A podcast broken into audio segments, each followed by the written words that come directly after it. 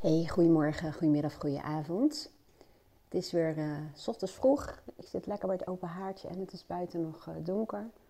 En uh, het is wel grappig, want ondanks dat het s ochtends vroeg nog heel donker is, merk je al wel dat het steeds lichter wordt. En mijn ervaring is, um, en dat helpt me mezelf ook heel vaak herinneren, dat het vaak vanaf dit moment, vanaf januari, februari, vaak heel hard gaat. En dat je al heel snel de eerste tekenen ziet van het voorjaar. En heel veel mensen denken, hoezo? Maar in het vorige huis hadden we van die, volgens mij heette dat van die sneeuwklokjes, die witte, paarse uh, bloempjes. En het is natuurlijk heel erg gerelateerd aan de winter, maar ja, je ziet in één keer weer leven komen in de natuur. Ik weet echt niet hoe ik erbij kom, maar dat maakt ook niet uit. Waar ik het vandaag uh, over wil hebben, is dat um, heel veel uh, overtuigingen die je hebt over jezelf en die over het algemeen heel erg onbewust zijn, ja, die worden al heel vaak, heel vroeg in je leven um, ja, gevoed. Of het zaadje wordt uh, geplant. En daarvoor even een heel kort stukje uh, theorie. De eerste zeven jaar van ons leven staat ons brein in de theta-stand. En dat is eigenlijk een soort downloadstand. Er is dan nog niet het bewustzijn zoals we dat nu kennen. En uh, die stand betekent gewoon een bepaalde vibratie, een frequentie in je hersenen. En wat we dan doen die eerste zeven jaar van ons leven, dan doen we eigenlijk een soort blauwdruk op over hoe de wereld werkt. En dat gaat over allerlei uh, onderwerpen: um, liefde, relaties, uh, jezelf, um, geld, of mensen goed zijn of niet goed zijn. Um, met name onze ouders, maar ook andere belangrijke uh, mensen in onze omgeving die uh, leren ons met name door hun gedrag en hun eigen reacties uh, ja, alles over de wereld. Maar het zijn natuurlijk maar percepties. Hè? Het is maar net hoe je in het leven staat en wat je normen en waarden zijn en wat jouw manier is om betekenis te geven aan alles wat je waarneemt. Nou is het ook zo dat de eerste periode, noemen ze, ben je egocentrisch ingesteld. En denk je als kindje dat eigenlijk alles um, ja, moet ik zeggen, gelinkt is met jou. Dus als je ouders uh, of je moeder blij kijkt als kindje, leg je vaak de link dat dat komt door jou. En um, dat is natuurlijk fijn, zou je denken. Alleen andersom geldt dat ook. Dat als je moeder um, niet uh, happy is of uh, afwezig, dan heeft een kindje al heel vaak de neiging om te denken: het ligt aan mij.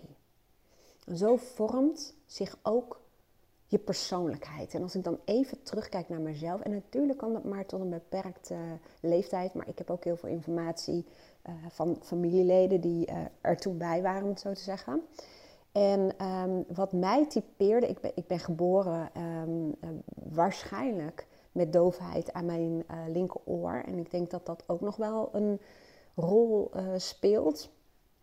Maar was sowieso wel heel erg gevoelig, uh, werd gezegd. Maar ik, ik, ja, ik weet er nou van, daar ga ik niet heel erg diep op in, dat mijn moeder wel um, nou ja, wat uh, psychische problemen had. En dat heeft bijvoorbeeld ook te maken uiteindelijk met het sterven van haar uh, broer. En er kunnen allerlei gebeurtenissen zijn in iemands leven waar iemand gewoon heel erg mee worstelt. En zij wilde me wel heel erg graag, maar ik weet ook, en dat, dat weet ik als ik terugkijk um, in mijn leven uh, naar het moment waarop ik het me wel goed kan herinneren, ja, dat ze emotioneel ook niet altijd beschikbaar was. En als kindje, als kleinkindje, heb ik dat heel erg mijn verantwoordelijkheid gemaakt. Dat doen kinderen. Dat doen kinderen. Dat is nou eenmaal wat de kinderen doen. En niet iedereen, en je ziet ook dat binnen een bepaald gezin ook vaak de kinderen zich anders gedragen. Dat heeft ook te maken met de dynamiek. Hè?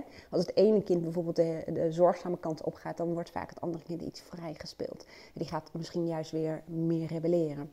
Nou, wat er bij mij in ieder geval uh, was, en uh, dat is ook puur reflectie, maar is dat ik me heel erg ging aanpassen. En dat ik me eigenlijk als het ware onzichtbaar ging maken.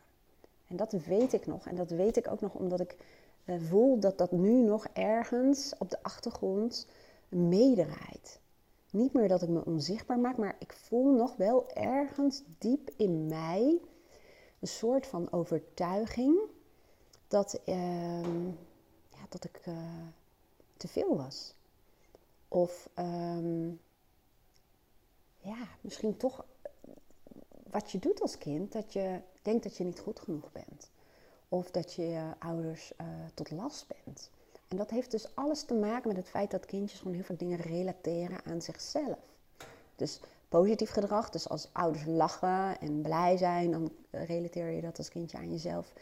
En ook dus andersom, als je moeder of je vader ehm, problemen heeft. En dat kan op allerlei fronten zijn. Hè? Bijvoorbeeld geldproblemen, dat was het dan niet bij ons. Maar geldproblemen kunnen ook zorgen voor een, een, een ja, onbeschikbaarheid van ouders. Hoor, omdat ze veel in het hoofd zitten. Of als er zelf dingen spelen of heel gestrest zijn. Of, uh, nou ja, dan, dan als kindje ben je ook over het algemeen nog veel sensitiever dan nu. Dat geldt natuurlijk niet voor iedereen. En merk je dat ook, dat, dat je ouders bijvoorbeeld niet echt met hun aandacht bij jou zijn. Of um, wel praktisch voor je zorg, maar emotioneel gewoon minder betrokken zijn. En dat kan natuurlijk ook.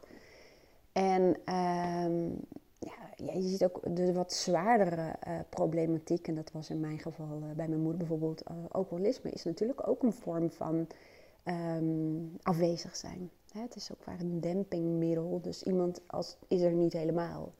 En als kind kun je heel vaak gaan denken dat jij de oorzaak bent van het feit dat iemand bijvoorbeeld alcoholverslaafd is. Nou, en dat soort dingen, en nou licht ik ook maar een heel piepklein dingetje toe, ik zal zo meteen nog wel meer vertellen, maar dat, dat kan afhankelijk van hoe de persoonlijkheid zich ontwikkelt, en ook vaak wat je plek is binnen het gezin, kan een soort zaadje um, planten ja, voor, um, ja, voor ook je volwassenen leven. En dat wil niet zeggen dat het statisch is. Heel veel is gewoon echt veranderbaar. Maar dat vergt wel bewustzijn en trainen. En, en ja, heel bewust bezig zijn en onderzoeken wat die overtuigingen zijn. En hoe ze op dit moment in je leven nog een rol spelen. Nou, hoe dat bij mij is, ik voel niet meer um, dat, dat, dat ik me onzichtbaar moet maken. Ik, ik denk verre van dat zelfs, maar dat heb ik wel heel lang gedaan. Uh, ik kreeg ook verhalen dat, dat ze mij letterlijk en figuurlijk op de bank neer konden zitten, zetten. En ik kon mij in mijn eigen hoofd vermaken. En soms vergaten ze mij gewoon. Ja, niet dat ze me lieten zitten achter, maar ze vergaten gewoon dat ik er was. Dus ik was er blijkbaar ontiegelijk goed in geworden. En dat betekende ook dat ik helemaal in mijn eigen hoofd mijn eigen wereld creëerde. En um, ik weet ook wel dat op school, ik, het is net een soort van een rode draad in mijn leven, is dat er heel vaak twee ogenschijnlijk tegengestelde dingen tegelijkertijd er waren. En wat bedoel ik daarmee? Ik had bijvoorbeeld op de basisschool en heel veel vriendjes en vriendinnetjes en ik werd gepest. Um, ik, um, ik, ik, sta ook overal met wallen uh, onder mijn ogen op de foto's. En dat komt gewoon ook omdat ik super nieuwsgierig was en um, ja, gewoon heel erg graag dingen wilde beleven. En ik vond het destijds heel oneerlijk dat alle volwassenen zo laat naar bed mochten en ik niet. Dus ik had echt nachtelijke avonturen, plaatjes draaien, lezen, spelen. Uh, dat. Dus um, ja, en ik was altijd aan het dromen. Ik had een heel eigen uh, belevingswereld en een heel andere denkwijze dan de meeste kindjes. En, um, ja, en, en, dat was uh, ook een ja, ja, een, volgend iets op school dat ik enerzijds erbij hoorde en anderzijds helemaal niet. En nogmaals een hele andere denkwijze uh, had. En ja, dat, dat kan op een gegeven moment je het gevoel geven dat omdat jij anders bent, dat je dus niet goed genoeg bent. Hè? Of dat je dus uh, negatief anders bent. Want je referentiekader is meestal uh, ja, de mensen om je heen. En als jij daarin anders bent, dan ja, ga je al heel gauw denken uh, dat het dus aan jou ligt. En nu weet ik dat er gewoon verschillen zijn. En uh, dat de mensen om je heen niet per se, het juiste referentiekader zijn. Ze zijn een referentiekader waar tegen je je afzet. Um, of mee vergelijkt, kan ik beter zeggen er waren nog meer van dat soort contrasten. Zoals mijn vader had het bijvoorbeeld financieel goed, een goede baan. En zijn uh, volgende uh, vrouw, zeg maar, was mijn moeder dan ook. Terwijl in, mijn moeder, die ontving bijstand en die was afhankelijk van mijn vader. En um, woonde in een heel andere buurt. Dus dat, dat, dat contrast en dat, dat gevoel echt nergens echt helemaal bij te horen. Een soortje, een beetje te zwabberen. Um, en dat voel ik in mijn leven nog steeds wel. Dat ik echt Ehm, en ik, rationeel kun je dat vaak wel goed redeneren. En uh, nou ja, het is natuurlijk ook mijn vak. En ik heb hier natuurlijk zelf ook bij mezelf veel onderzoek bij gedaan. En ook uh, me daarin laten begeleiden. Maar ik, ik heb nog steeds een beetje soms het gevoel dat ik een beetje uh, zweef. En um, nog steeds niet helemaal in staat ben om echt te voelen um, ja, dat ik hier mag zijn. En dat klinkt best wel heel heftig, maar ik weet inmiddels ook in mijn praktijk dat heel veel meer mensen uiteindelijk, ik ga dan met ze, um, nou ja, door een bepaalde vraagstelling kom ik heel vaak tot de kern. En het is niet heel uitzonderlijk dat mensen inderdaad het gevoel hebben dat ze hier niet mogen zijn. Of dat hun bestaansrecht verdiend moet worden. Nou, dat heb ik vooral heel erg. Dat mijn bestaansrecht verdiend moet worden. En dat dat uh, betekent dat ik heel erg moet presteren. Heel erg van uh, betekenis moet zijn om uh, het waar te zijn. En dat, dat kan zich op allerlei manieren uiten bij mensen in hun persoonlijkheid, perfectionisme, uh, geen fouten mogen maken, niet willen falen, uh, presteren, um, ja, van alles. En dat is best wel jammer, want um, daarmee kom je over het algemeen niet uh, helemaal tot je recht. Hè? En um, ik, wat ik ook gewoon afgelopen jaren heb ontdekt. Het is me wel vaker gezegd, want ik weet dat op de basisschool ook testjes met mij zijn gedaan over mijn uh, fotografische geheugen. Al is daar niet meer zoveel van overgebleven als dat vroeger het geval was. Maar um, er is ook uh, in het verleden al wel door psychologen gezegd van... ben jij niet hoogbegaafd? En dat, nou, daar had ik echt toen een, een, een beeld bij. Dat dat echt van die nerdy kinderen waren die altijd alles wisten. En supersnel konden nadenken. En um, het heel erg goed deden op school. En de afgelopen jaren uh, ben ik daar meer mee bezig geweest. En, en is mij ook verteld, ja, dat, maar zo werkt dat niet. Het is bij bijvoorbeeld hoogbegaafdheid is het simpelweg ook, ja, wel een hogere uh, IQ, maar ook een andere werking van het brein. Heel veel meer hersengebieden of hersencellen zijn tegelijkertijd actief. En het, associatief uh, geheugen is heel sterk. er worden continu verbanden gelegd. En daardoor lijkt het ook heel vaak alsof je trager denkt. Maar dat is niet per definitie zo. Er is vaak heel veel meer informatie om te verwerken. Er gebeurt vaak heel veel meer in het hoofd. Bij mij is het heel vaak een soort van explosie in mijn hoofd. Ik kan door één trigger, een woordje, een zin, um, gaat in mijn hoofd er van alles um, aan. En leg ik allerlei uh, verbanden en dingen haal ik uit het verleden op, andere zijweggetjes. Ik ben in één keer overal. En Um, dat gaat heel snel, maar ik moet mezelf dus continu, ik heb mezelf steeds meer moeten trainen om weer terug te gaan naar waar was ik gebleven, waar gaat het over, wat is de bedoeling. Um, en als je meer te verwerken hebt en daar een soort van puzzeltje van moet maken in je hoofd om dat goed te kunnen verwoorden, ja, dan lijkt dat natuurlijk trager. Maar het kan zijn dat je jezelf, um, dat je daar zelf betekenis aan gaat geven.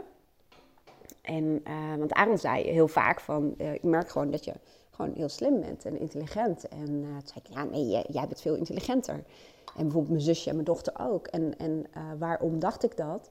En uh, dat kan natuurlijk nog steeds zo zijn, maar omdat ik snelheid van denken, ad rem zijn, overal meteen een mening over hebben, dat had ik geassocieerd met een hele hoge intelligentie. En dat, dat is het hè, in heel veel gebieden, of heel veel gevallen ook zo. Maar het ogenschijnlijk trager denken wil dus niet zeggen dat dat een kwestie is van intelligentie. Het is ook vaak een kwestie van de wijze waarop je denkt en uh, welke um, uh, ja, prikkels je uh, waarneemt en welke betekenis je eraan toekent en wat er dan allemaal verder in je hoofd aan het gebeuren is. Maar dat anders denken, dat heb ik eigenlijk al ja, vanaf kleins af aan gehad. Dat heeft me in die zin heel vaak het gevoel gegeven dat ik dom was. Dat, dat ik het allemaal niet begreep. Omdat ik continu anders dacht. En um, daarbij uh, kun je je voorstellen, mijn vader is hoogbegaafd. Dat hebben ze jaren geleden uh, getest. En ook een vorm van autisme. En die um, vond ons dom. En dat zei hij ook. Maar volgens zijn uh, maatstaf vond hij dat ook. Omdat als je zelf um, in zijn geval wel snel denkt en je dochters die uh, snappen er dingen niet, ja, dan, dan kan het zijn dat je dat al heel snel denkt. Dus zo doe je op een gegeven moment een beeld van jezelf op. Alleen is het heel vaak zo dat iets in mij heeft altijd gezegd dat het niet klopt. Ik heb ergens gevoeld dat, dat het conflicteerde. Dat dat verhaal wat ik over mezelf had verteld, dat voelde al wel als heel erg conflicterend van het klopt niet. Ik ben absoluut niet dom. Ja, ik wel anders, maar niet dom. En dat is natuurlijk ook weer dat, uh, ja, dat contrast. Enerzijds een soort innerlijk weten en anderzijds een verhaal wat je over jezelf hebt verteld en wat ook heel erg gevoed wordt hè, door de buitenwereld. Mensen gaan ook jouw eigen verhaal bekrachtigen en, en je doet een verhaal ook op aan, hoe zeg je dat, aan de hand van wat mensen over jou zeggen.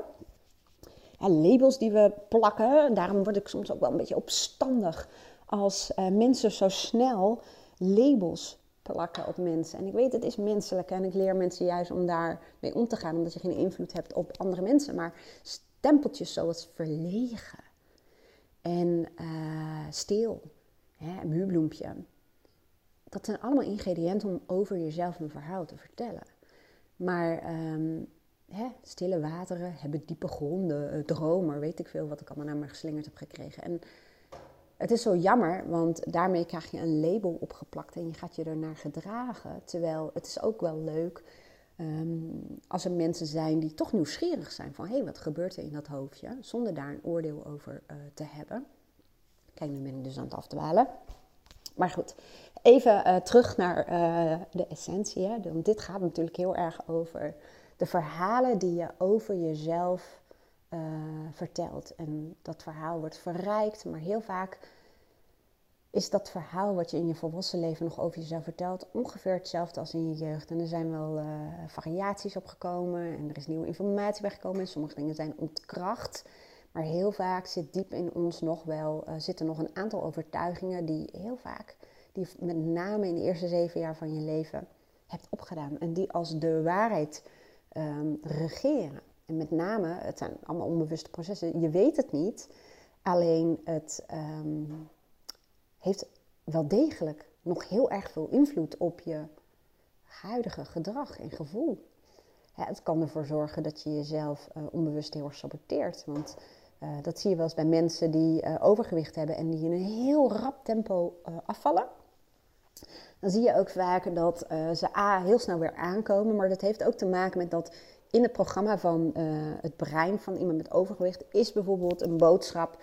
Um, je bent dik, want in onze familie zijn ze allemaal dik. En als je al één taartje eet, dan kom je meteen aan. En uh, het is de waarheid. En als je dan bijvoorbeeld, hè, dat is programmering, afvalt, dan zal ons brein, hoe raar dit ook klinkt, ons weer willen terugbrengen naar de standaard instelling. Dus daarom zie je ook heel vaak dat A, mensen die heel snel afvallen, weer heel snel uh, zwaarder worden, soms zwaarder dan wat ze waren, omdat de mindset, het programma, is niet uh, meegegroeid of aangepast aan de nieuwe realiteit. Plus dat zie je ook vaak, en echt heel veel onderzoeken naar gedaan, dat als mensen een uh, mindset hebben over geld, dat het bijvoorbeeld tekort is of dat het um, dat geld moeilijk is of whatever, wat voor verhalen er over geld zijn die iemand in zijn programma heeft zitten. En als ze dan bijvoorbeeld een staatsloterij winnen, hè, nogmaals, er is heel veel onderzoek naar gedaan en volgens mij ook wel heel langdurig, dan zie je heel vaak dat heel veel mensen al uh, redelijk snel weer uh, al, ja, al dat geld opgemaakt hebben. En heel vaak ook nog armer worden dan wat ze waren voordat ze de staatsloterij wonnen. En dat heeft ook weer te maken met die ja, standaard programmering. Dus als je die standaard programmering, zullen we maar zeggen, niet aanpast, dan kan het zijn dat continu je jezelf onbewust saboteert en weer um, ja, wil, de realiteit wil laten matchen met de waarheid die je over jezelf, over jezelf hebt. Nou, ik hoop dat je me nog een beetje kunt volgen.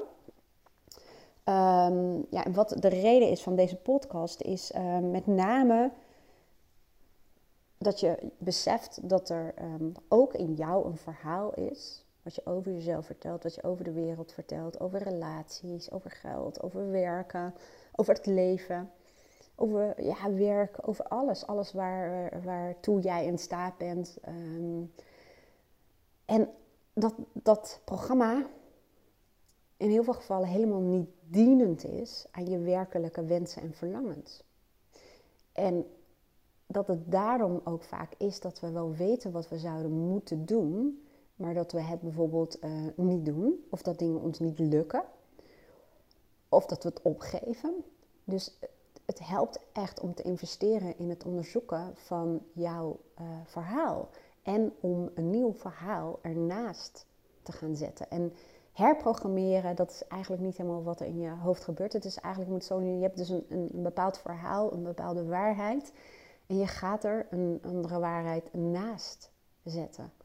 Net als een pad wat. Um, in een park zie je soms een, uh, een, pad wat aangelegd is. En je ziet vaak zo'n. Volgens mij noemen ze dat een olifantenpad. Uh, dat is zo'n pad die um, zich aan het vormen is doordat heel veel mensen er steeds maar overheen lopen.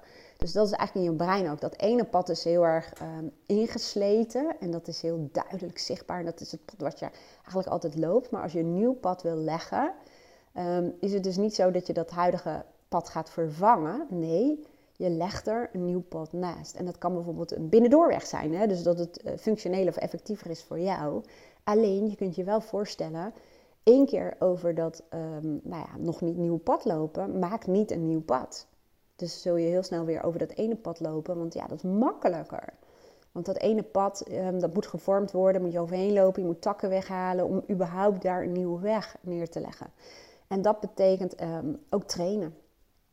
Uh, bewustzijn, maar ook onbewustzijn. Dus ook, ik maak heel veel scripts voor mensen. Uh, scripts met het nieuwe verhaal.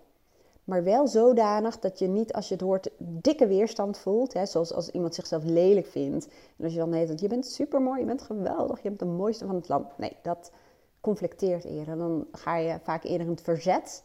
En als je um, dan een nieuw verhaal maakt die al veel beter is dan het, nou ja, beter was beter, maar dan het huidige verhaal.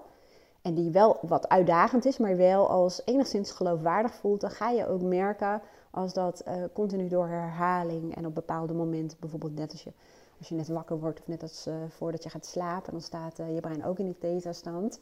Um, dan slijt eigenlijk dat, dat nieuwe verhaal, dat nieuwe programma in. Plus wat je gaat doen, je gaat ook anders kijken. Dus je gaat op een gegeven moment ook bewijzen verzamelen voor dat die nieuwe waarheid ook waar is. Je gaat ervaringen opdoen waardoor je denkt, oh ja, ach ja, oké. En dat geldt natuurlijk ook als ik dat heb over dat hoogbegaafd. En ik vind het nog steeds heel moeilijk woord om uit te spreken. Alsof ik hier ga vertellen dat ik mega intelligent ben. Nou, dat is helemaal niet zo. Maar mijn brein werkt wel anders. En um, er is ook vaak echt een misvatting over dat label. Dat dat gaat om, nogmaals, van die nerdy overpresteerders. Uh, die emotioneel heel, uh, van heel lage EQ hebben. Maar dat is dus heel vaak helemaal niet zo. Heel veel hoogbegaafde mensen zijn ook hoogsensitief. En hebben een heel rijk gevoelsleven. En kunnen juist ontiegelijk goed stemmingen en gevoelens van iemand anders aanvoelen. Alleen weten vaak het onderscheid niet tussen wat bij hun hoort en wat bij de ander. En um, vinden het soms lastig om daar betekenis aan toe te kennen. En uh, voelen zich vaak verantwoordelijk of overweldigd. Um, dus uh, mensen hebben een, beeld erbij vaak. Uh, dat had ik dus ook, maar dat is het niet alleen. Het is echt veel meer dan, dan dat. En je ziet juist vaak dat dat soort kinderen gaat onderpresteren. En dat heeft um, met allerlei dingen te maken. Het heeft ermee te maken dat heel veel kindjes die heel snel dingen begrijpen, niet leren om te leren. Heel snel opgeven, heel snel gefrustreerd raken. Dat had ik ook. Na twee lessen ballet was ik enorm gefrustreerd dat ik niet al uh, in Orpheus en Schouwburg hier mocht optreden. En heel vaak gaf ik op. Um, maar ook uh, er niet bij zijn. Ik, um, ik kan best goed leren. En uh, ja, nou eigenlijk best wel heel goed. Maar ik moet wel interessant vinden. En uh, als ik het niet interessant vind, dan ben ik echt binnen no time afgedwaald. En dat geldt ook voor series en films en van alles en nog wat. En dat geldt, of god, natuurlijk ook voor lesstof. Dat... Um, en de wijze waarop het verteld werd. Of de klik die je voelde met de leerkracht. Ik weet dat Lisa, mijn dochter, uh, uh, die heeft het ook. En die haalde op een gegeven moment op de middelbare school heel lage cijfers voor Frans. Terwijl ik wist, ze kan het hartstikke goed. En toen zei ze, ik vind de juf niet aardig of de leer, leerkracht niet aardig. En um, nou ga ik iets heel apart zeggen. Ik ging weer een keertje mee om daar een gesprek over te voeren. En toen zag ik haar, toen dacht ik, wat een heks. Ik vond haar ook echt niet aardig. Alleen, een, een, een, rechtvaardigheidsgevoel, want dat was ook een beetje de oorsprong, kan soms zo sterk zijn dat het eigen belang naar de achtergrond verschuift. Want zij kon op dat moment, was ze zo overtuigd dat ze onrechtvaardig werd behandeld, dat ze als een soort van straf ging inzetten dat ze voor dat vak zich niet ging inspannen en lage cijfers ging halen. Terwijl ja, dat is natuurlijk niet het uh, doel voor jezelf, maar uh, dat was gewoon sterker. En uh, de laatste periode ging ze nog even 9,7 halen achter elkaar om even te laten zien, kan het wel, maar ik doe het gewoon niet voor jou. Hè, dus een streng rechtvaardigheidsgevoel um, speelt ook mee, dus, dus de klik die je voelt met uh, leerkrachten. Zien ze jou, erkennen ze jou, steken ze moeite in jou, kijken ze naar jou. Dat kan altijd heel erg meespelen. Um, ja, in de wijze van uh, lesgeven. Dus heel veel kindjes zijn ook gewoon totaal afwezig in hun eigen hoofd bezig. En wat ook nog heel erg zo is, en daar heb ik echt heel erg veel problemen mee gehad. En heb ik gewoon mazzel gehad dat ik een, in een tijd leefde waarop de computers gewoon nog veel minder aanwezig waren. Want ik kan ook echt met toetsen Um, en dat had ik op school ook. Dan ging ik heel erg nadenken over de vraag. Van hoe bedoelen ze de vraag? Nou, ze zouden de vraag zo kunnen bedoelen of zo, of zouden het zo kunnen bedoelen. Ja, dat is natuurlijk niet zo heel erg handig. En als het dan multiple choice vragen waren, ja, lastig. Dus met open vragen schreef ik, ik kreeg ook altijd extra um, uh, van die uh, vellen, zeg maar, om op te schrijven. En dan schreef ik op, als jullie de vraag zo bedoelen, dan is dit het antwoord. Maar als jullie de vraag zo bedoelen, dan is dit het antwoord. En leraar zei ook, ja, we kunnen het ook niet fout rekenen, want de antwoorden zijn gewoon goed. Maar daarmee uh, dekte ik mezelf in. Maar je kunt je voorstellen, als dat niet kan, als je die mogelijkheid niet hebt om uit te leggen hoe jij die vraag interpreteert, ja, dan uh, kan dat leiden tot um, ogenschijnlijk uh, onderpresteren. En um, ja, het, het, het, denkproces is anders, maar de wijze van kijken is ook anders. Hè? Ik bedoel, um, je kunt heel andere associaties hebben, waardoor je op heel andere antwoorden komt. En die volgens de standaarden fout gerekend worden. Maar als je het denkproces erachter zou uh, weten, dan zou je kunnen denken: oh ja, dat is ook logica. Maar goed, anyway, zo kun je over jezelf een, een beeld krijgen dat je eigenlijk maar een beetje dom bent. En het beste is dat als je dat denkt, diep in jou, hoe klein het ook is, als dat een overtuiging is, dan zullen je resultaten daar ook naar zijn. dat is weer het, dat programma waar ik het over had met afvallen of geld. Uh, staat het reisje dat, dat, dat als dat iets in jou is, dan ga je je ook gedragen conform die uh, voor jou wetenschap. En dat is natuurlijk dodelijk zonde. En je ziet ook dat um, wat ik vaak in mijn coachpraktijk doe, is ik geef mensen een compleet ander perspectief op hun verhaal over een bepaald onderwerp. En dat kan iemands leven, en ik heb het zo vaak zien gebeuren, in één sessie simpelweg door een ander perspectief in te nemen, uh, kan iemands leven gewoon zo ontiegelijk veranderen als jij uh, bijvoorbeeld uh, pestverhalen, ik, ik werk ook heel veel met bijvoorbeeld overwinningsverhalen, noemen ze dat, maar eigenlijk is dat gewoon ook een ander perspectief aannemen om te kijken naar jouw levensverhaal of naar een bepaald uh, onderdeel daarvan. Pestverhalen ook. Heel veel mensen denken dat, dat er met hun dus iets mis was, maar heel vaak was er bijvoorbeeld een, een meisje die um, onderdeel was van een groepje pesters um, en ze wilde erbij horen, maar het voelde niet goed. Het voelde gewoon niet goed, want ze wil helemaal niet andere kindjes pesten. Dus ze ging eigenlijk al zich een beetje van uh, distancieren. Met als gevolg, op een gegeven moment zie je vaak dat zo'n kindje dan wordt uitgestoten en ook wordt gepest. En daar echt onder gebukt gaat. Dus ook in een werkzaam leven. Als er bijvoorbeeld een groepje zit in, in een hoek in de kantine. Oh, ze had gewoon bijna ja, paniek.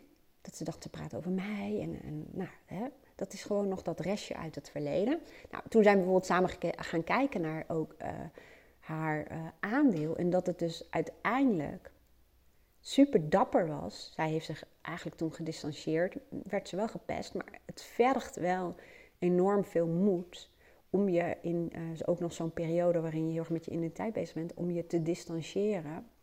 En zij had altijd het gevoel dat ze uitgestoten werd, maar we hebben er naar gekeken. En um, vaak word je niet per se uitgestoten, maar is dat ook vaak een besluit, een onbewust besluit in jezelf om je daarvan te distancieren.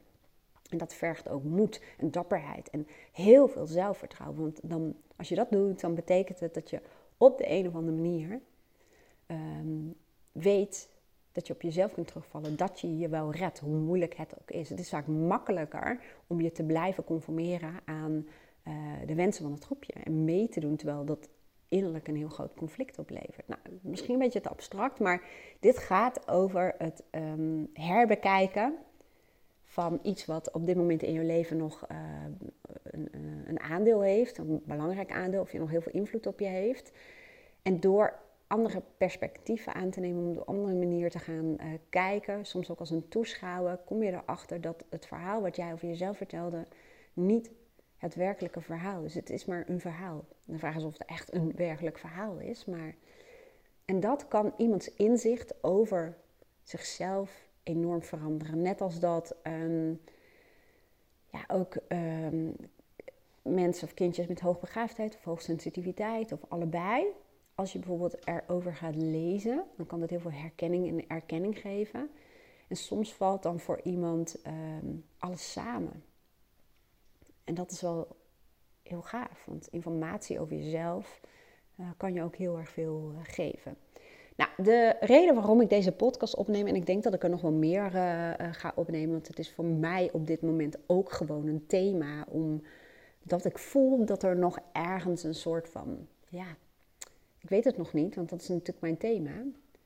Er is nog iets in mij, een overtuiging, een verhaal, wat niet dienend is. Wat mij tegenhoudt en wat mij kleiner houdt dan wat ik werkelijk wil zijn. En dat is ook wel een hele interessante, want ik was ook letterlijk en figuurlijk altijd het kleinste meisje, het tengerste meisje. Ook nog hartstikke wit blond haar. En um, ik zal niet zeggen dat je er omheen kon kijken, die onzichtbaarheid, maar goed.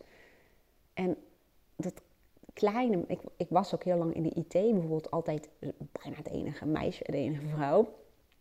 En um, dat kleine meisjesgevoel, iets, ja, dat, dat zit er nog ergens. En dat, als dat mijn verhaal is, dan ga ik natuurlijk ook niet uh, heel makkelijk nog veel groter groeien, om het even zo te zeggen. Omdat dat verhaal nog mijn standaard instelling is. Dus dat is iets waar ik nu op dit moment mee bezig ben. En um, nou ja, het is ook wel een heel mooi proces om dat te doen. Ja, nou ja, dat. ik weet niet, misschien als je door het luisteren van de podcast bij jezelf hebt um, ja, gevoeld van, oh ja, ik heb denk ik ook nog wel wat verhalen in mij. Die op dit moment in mijn leven um, ook nog gewoon actueel zijn, zonder dat ik me daar misschien bewust van ben. En misschien um, ben jij of ken jij of uh, heb jij iemand in je omgeving die ook hoogsensitief of hoogbegaafd is en ook met dat soort dingen loopt. Hè? Zoals bijvoorbeeld onderpresteren, het gevoel hebben er niet bij uh, te horen of gewoon een heel andere denkwijze te hebben of uh, conflicten te hebben met de omgeving. Want wat je ook vaak ziet met dat soort kindjes, niet altijd hoor, maar die hebben ook wel moeite met uh, autoriteit of moeite omdat bijvoorbeeld volwassenen soms verhalen vertellen waarvan zo'n kindje weet, ja maar het is niet waar, het klopt niet. En de geloofwaardigheid wordt daardoor ook vaak aangetast en dat doet ook iets met veiligheid. Dus dat zie je ook vaak dat er conflicten zijn met leerkrachten, met ouders, niet begrepen voelen. Nou, als dat het geval is, dan ja, kan het je gewoon echt heel erg helpen om daarmee uh, aan de slag te gaan. En dat kan natuurlijk op allerlei uh, manieren. Dat kan met een coach, dat kan met een psycholoog. Maar het loont uh, echt de moeite om, om er naar te kijken. Um, nou, mocht je iets aan hebben gehad, dan uh, zou ik het leuk vinden als je een reactie achterlaat of dat je de podcast uh, beoordeelt en deelt binnen je netwerk. Um, luister je dit op YouTube, dan kijk even of je al geabonneerd bent. Dan weet je dan wel zeker dat je een volgende podcast niet gaat uh, missen. En ik ga hier nog vaker over podcasten en ik ga je ook meenemen in het proces waarin ik zelf zit en hoe ik dat dan aanpak. Welke methodieken ik gebruik. Um, en zo hoop ik je te blijven inspireren. Ik wens je een hele mooie dag. Dankjewel voor het luisteren en tot de volgende podcast. Doei doei.